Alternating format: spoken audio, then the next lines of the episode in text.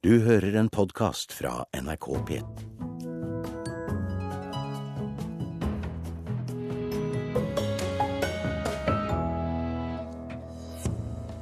Men vi har også disse sakene i Kulturnytt. VGs kommentator bruker avisen som reklameplakat til egen bok om Ola Borten Moe. Ikke i det hele tatt, ifølge avisen selv.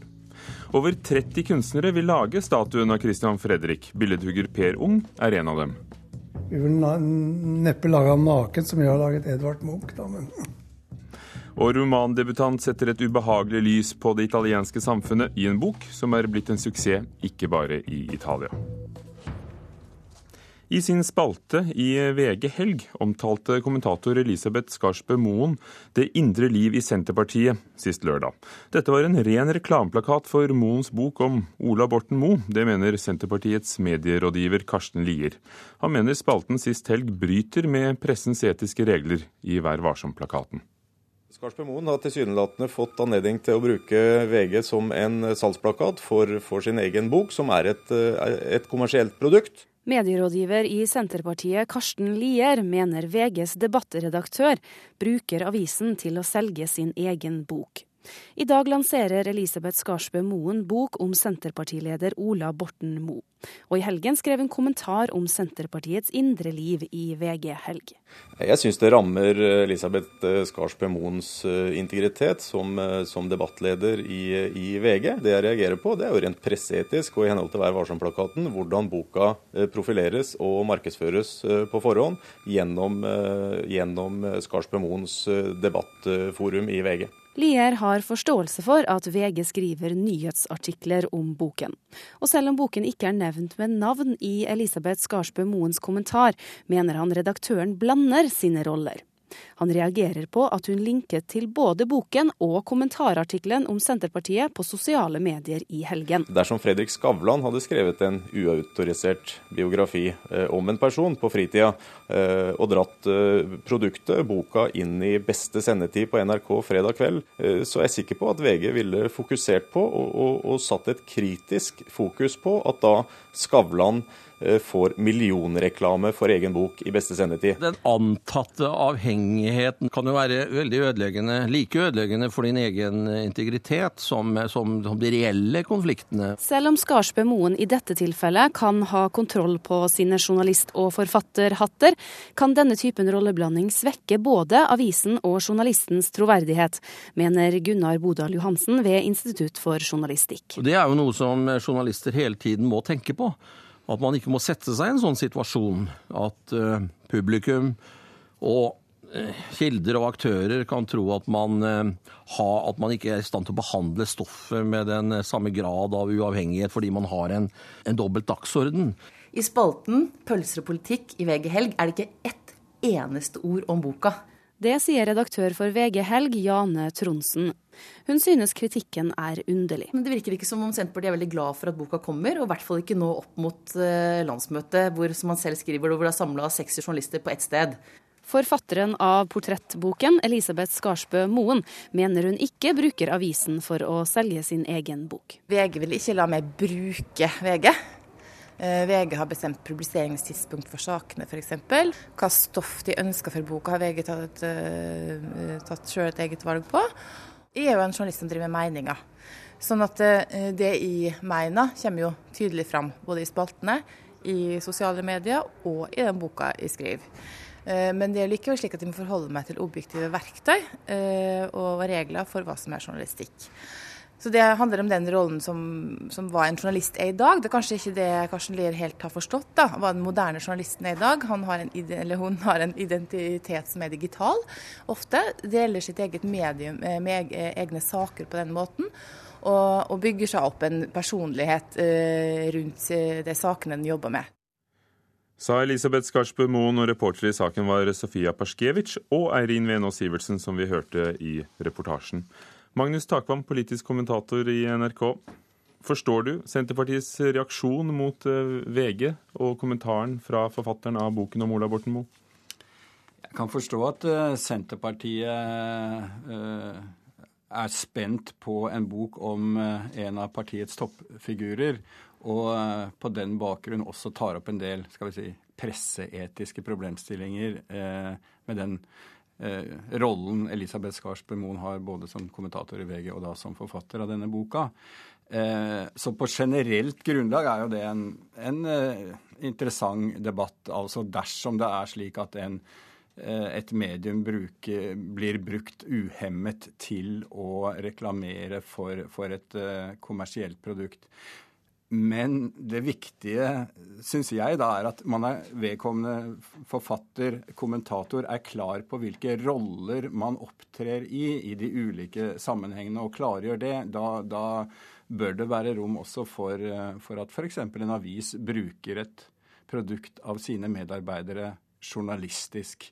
Men det er klart at dette er her har det skjedd en regi på forhånd med, lans, med, med lansering og, og bygge opp en veldig spenning omkring denne boka rett før partiets eh, landsmøte. Så her har mange tenkt eh, kommersielt, selvfølgelig, slik man ofte gjør.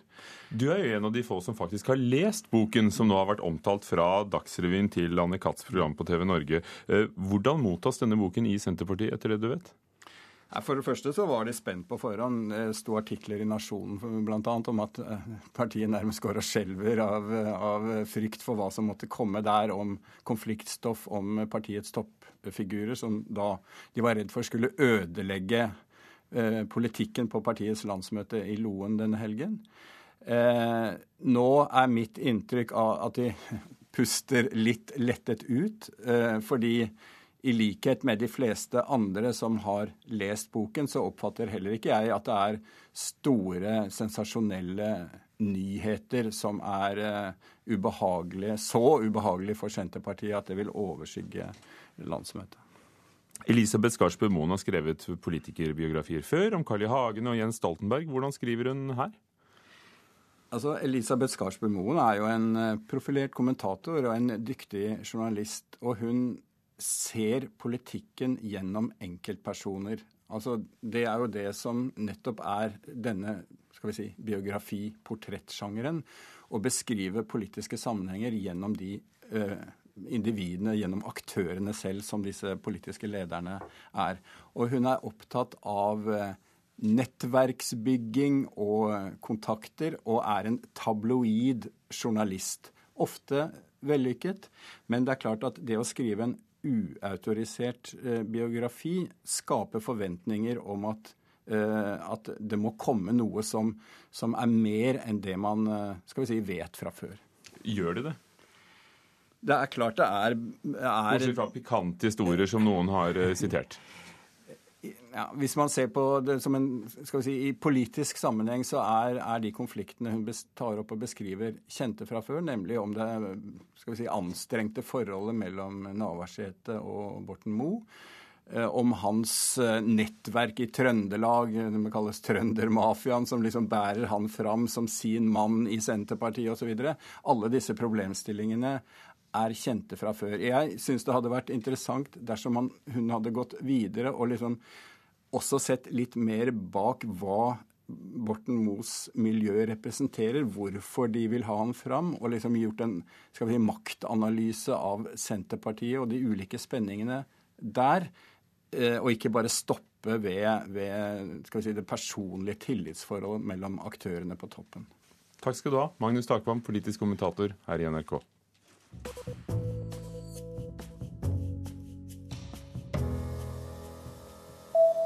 Legen Conrad Murray, som sitter i fengsel dømt for uaktsomt drap på Michael Jackson i USA, nekter å vitne i rettssaken der Jacksons mor har stevnet konsertarrangøren AEG.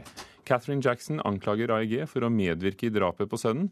Rettssaken åpnet med juryutvelgelse i går, men Murray nektet å stille som vitne fordi han mener at dette vil ødelegge hans egen ankesak.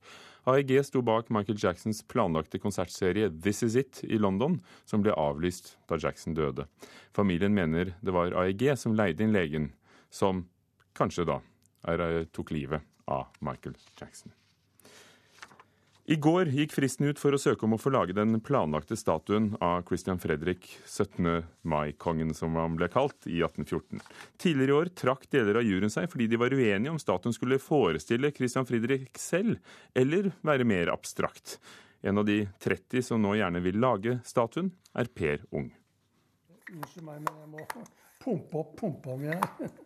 Jeg må, jeg må vete figuren litt innimellom.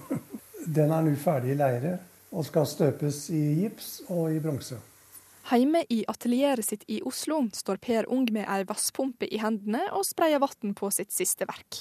En over to meter høy skulptur av en naken Edvard Munch. Og det er forestiller Edvard Munch eh, i, eh, mens han står og maler naken, og andre nakne menn på stranden i Warnemünde, Tyskland. Så har jeg jo masse stillaser som jeg må flytte på da, for å komme opp på uh, høydene her. For Munch-statuen er stor, og det samme kan sies om ambisjonene til Ung. Kunstneren er en av over 30 søkere som nå har søkt om å få lage statuen av kong Christian Fredrik, som etter planen skal stå ferdig til grunnlovsjubileet neste år. I går gikk søknadsfristen for oppdraget ut, og Ung har alt begynt å danne seg et bilde av en mulig skulptur. Jeg vet jo noenlunde at det skal forestille Christian Fredrik, og at jeg vil lage ham i uniform og alt det der. Det regner jeg med. Vi vil neppe lage ham naken, som jeg har laget Edvard Munch, da, men Om det blir Per Ung eller en av de over 30 andre søkerne som får det ærefulle oppdraget, er det en jury bestående av Per Kristian Foss, Lars Roar Langslet og tre kunstfaglige medlemmer som er innstilt fra Billedhuggerforeningen, som skal bestemme. Og Foss legger ikke skjul på hva juryen ser etter. Jeg tror det er to ting. Det ene er at uh, utkastet bør ligne litt på den daværende kong Christian Fredrik. Uh, og det annet er at uh, statuen skal stå på Eidsvolls plass, hvor den står i nærheten av to tidligere stortingspresidenter. Statuer som også er laget i de siste 20 årene. Men om statuen blir ferdig til 17. mai neste år, er derimot usikkert. Det er mye, veldig stor grad opp til billedkunstneren om han har, har arbeidstid ledig. Men det viktigste er kvaliteten fremfor alt foran datoen. I oktober i fjor mottok Koro et oppdrag fra Kulturdepartementet om å realisere et monument av Christian Fredrik. Koro satte tre kunstkonsulenter på saka. I januar ble det spesifisert at monumentet skulle være i form av en statue i tradisjonell forstand, noe som førte til at de tre kunstkonsulentene trakk seg i protest. Det som, som gjorde at det ble en, et, en, endring, var jo at vi hadde gått ut uh, og funnet kunstkonsulenter med den, ut ifra den bakgrunnen om at det var en videre forståelse av et monument. Sier Mette Kvandal i Koro. Altså at det kunne være en fortolkning av opp, opprinnelsen til Grunnloven, altså Christian Fredriks gjerning, til at det skulle være en figurativ statue av hans kropp. Og det gjør også at man da må finne nye jurymedlemmer med en fagkompetanse som er spesifikk mot, mot det figurative. I går ble det, etter innstilling fra Billedhuggerforeningen, satt inn tre nye konsulenter.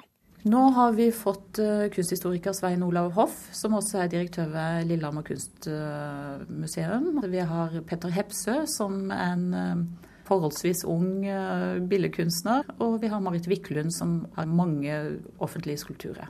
Med juryen på plass er i alle fall Per Ung bestemt på å vinne. Det gjør man kanskje alltid. Men det er veldig sjelden man, man vinner konkurranser. De fleste av mine ting er gjort på direkte oppdrag uten konkurranse. Så det å vinne konkurranse er bingo. Fordi man kan aldri si at det beste utkastet vinner. Sa billedhugger Per Ung, som er en av de over 30 som deltar i konkurransen om en ny statue av Christian Fredrik, reporter Camilla Yndestad. Klokken nærmer seg 19 minutter over åtte dører på Nyhetsmorgen i NRK. Det er stor forskjell på hvor ivrige politidistriktene er på å stoppe sexhandelen. Noen steder i landet tas mange sexkunder, andre steder nesten ingen. Barnevernet må gi et bedre tilbud til barn som er i deres omsorg, før barnevernet får lov til å ta flere barn fra foreldrene. Det mener KrF, etter at barneministeren ønsker å senke terskelen for når barnevernet kan ta barn fra de biologiske foreldrene. Og et enestående kirkeskip som gikk tapt i en brann i Porsgrunn, blir gjenskapt takket være 4000 timers arbeid.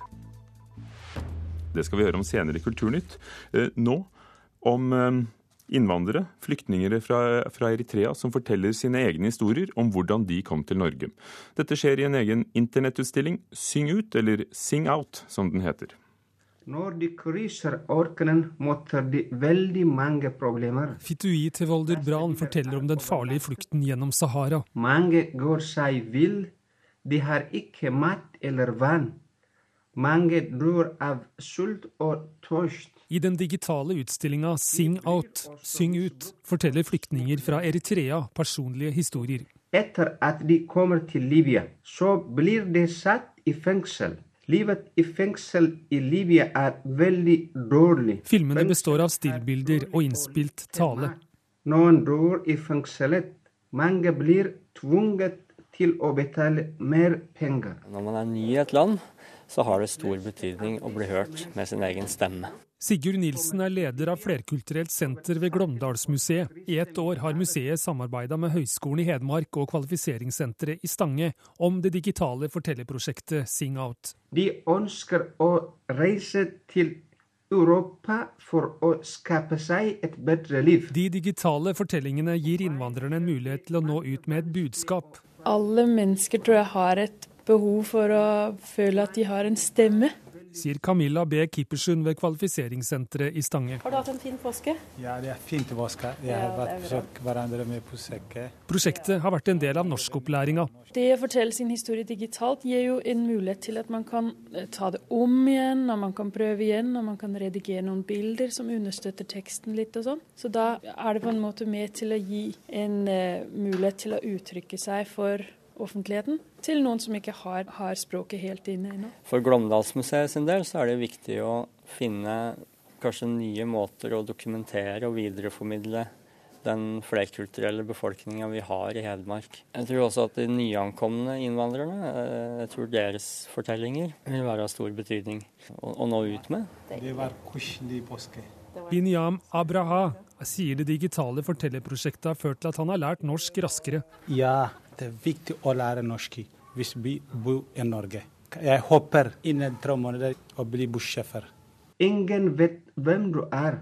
Man må starte helt på null. Nå lanseres noen av filmene som nettutstilling på Glåmdalsmuseets hjemmeside, på Digitalt fortalt og på YouTube. Det digitale er en stadig viktigere formidlingskanal. Fitui Tevaldi Bran i Stange sier det er OK for ham at mange ser nettutstillinga og dermed forstår hvorfor han kom til landet. Ja, det, det er OK. Det var historien min. Jeg tenkte at eh, alle må kjenne uh, hvorfor jeg er her. Hvorfor jeg rømte uh, fra landet mitt. Vi håper vel egentlig at noen av de som har vært med på prosjektet, kan tenke seg å fortsette å lage fortellinger og komme ut med det i det offentlige rom.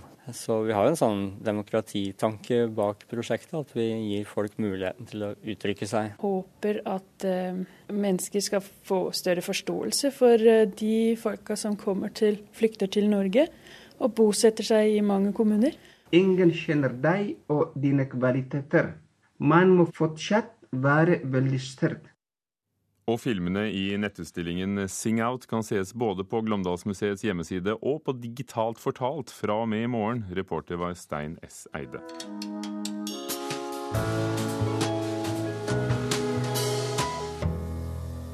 Den 25 år gamle italienske debutanten Silvia Avalone har lykkes i det mange debutanter drømmer om. Hun blir lest, vinner priser og oversatt til mange språk. Norsk er nå et av de over 20 språkene romanen 'Stål' er kommet på. Vår kritiker Marta Norheim prøver å forstå suksessen. Å si at dette er en roman fra Toskana er helt rett, men vekker helt feil assosiasjoner. Alle veit hvor vakkert det er der, enten de har sett det med egne øyne eller ei. Skåeplassen for romanen Stål er et helt annet Toskana, og jeg bruker ordet skåeplass fordi her handler det om å sjå, glo, glane, kope, spionere, kikke, avsløre, bli sett og kanskje bli oppdaga.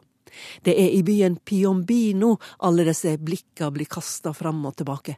En stålindustriby der det nå er 2000 arbeidsplasser mot 20 000 i glansdagene, i alle fall ifølge romanen. Jeg har aldri vært der, men ser for meg de enorme dimensjonene på fabrikken, alle maskinene som står og ruster, alt skrotet og oljesølet på stranda der de kan skimte ferieparadiset Elba i det fjerne. Jeg ser for meg de unge mennene som går på speed for å orke å være helt om natta og sjonglere enorme stålplater om dagen, og ikke minst ser jeg for meg alle jentene. De på alle kalenderne inne i stålverket, de som gjør seg lekre på den stinkende stranda mens de drømmer om å få vist seg på et av de tallrike TV-showa med bikinidamer i bakgrunnen, og de som er stygge, og som dermed er fullstendig uten håp, for ikke å snakke om de som er ute av tenåra og langt inn i klesvask, barnepass og økonomisk misere i et ekteskap som kom altfor raskt i stand. Stål er altså ei ekstremt visuell bok, og det er ikke til å undre oss over at den skal filmes.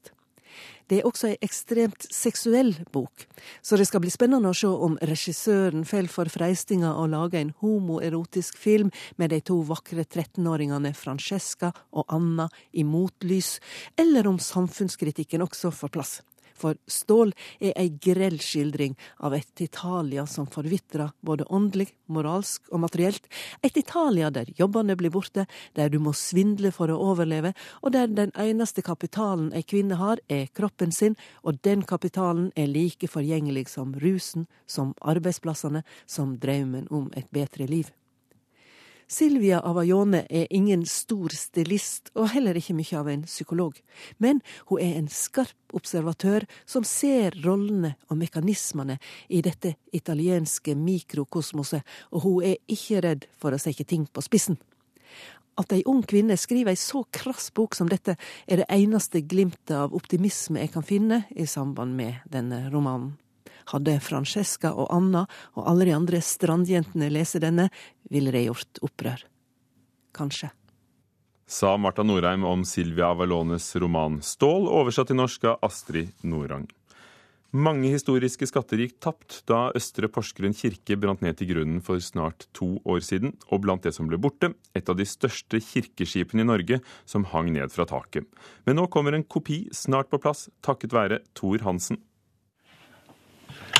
Skal vi se, Nå skal vi ha den lista foran her i baugen.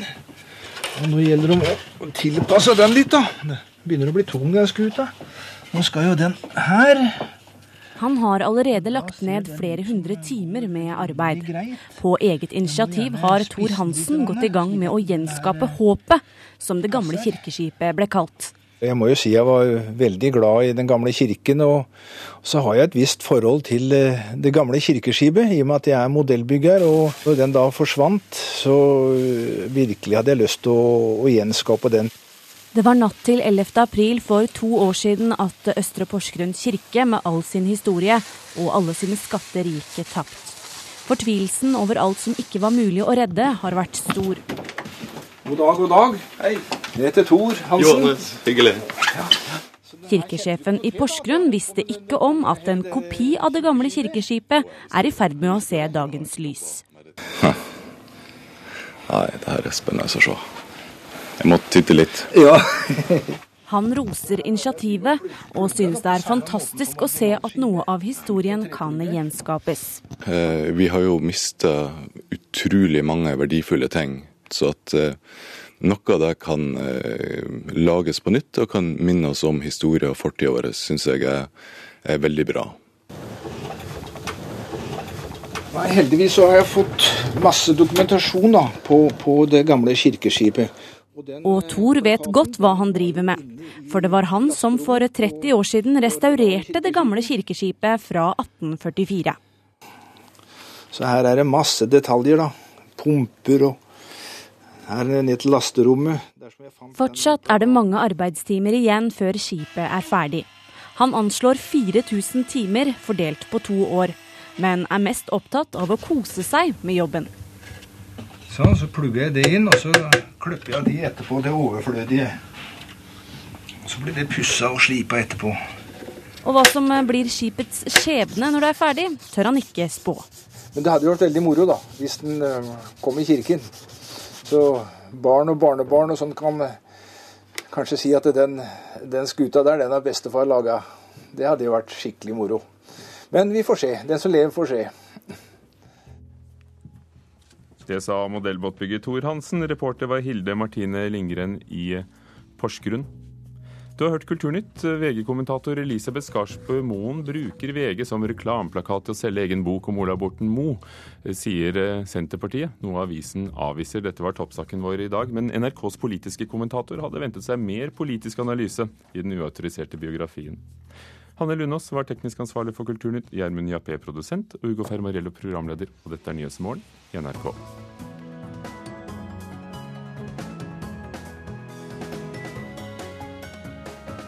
Du har hørt en podkast fra NRK P2.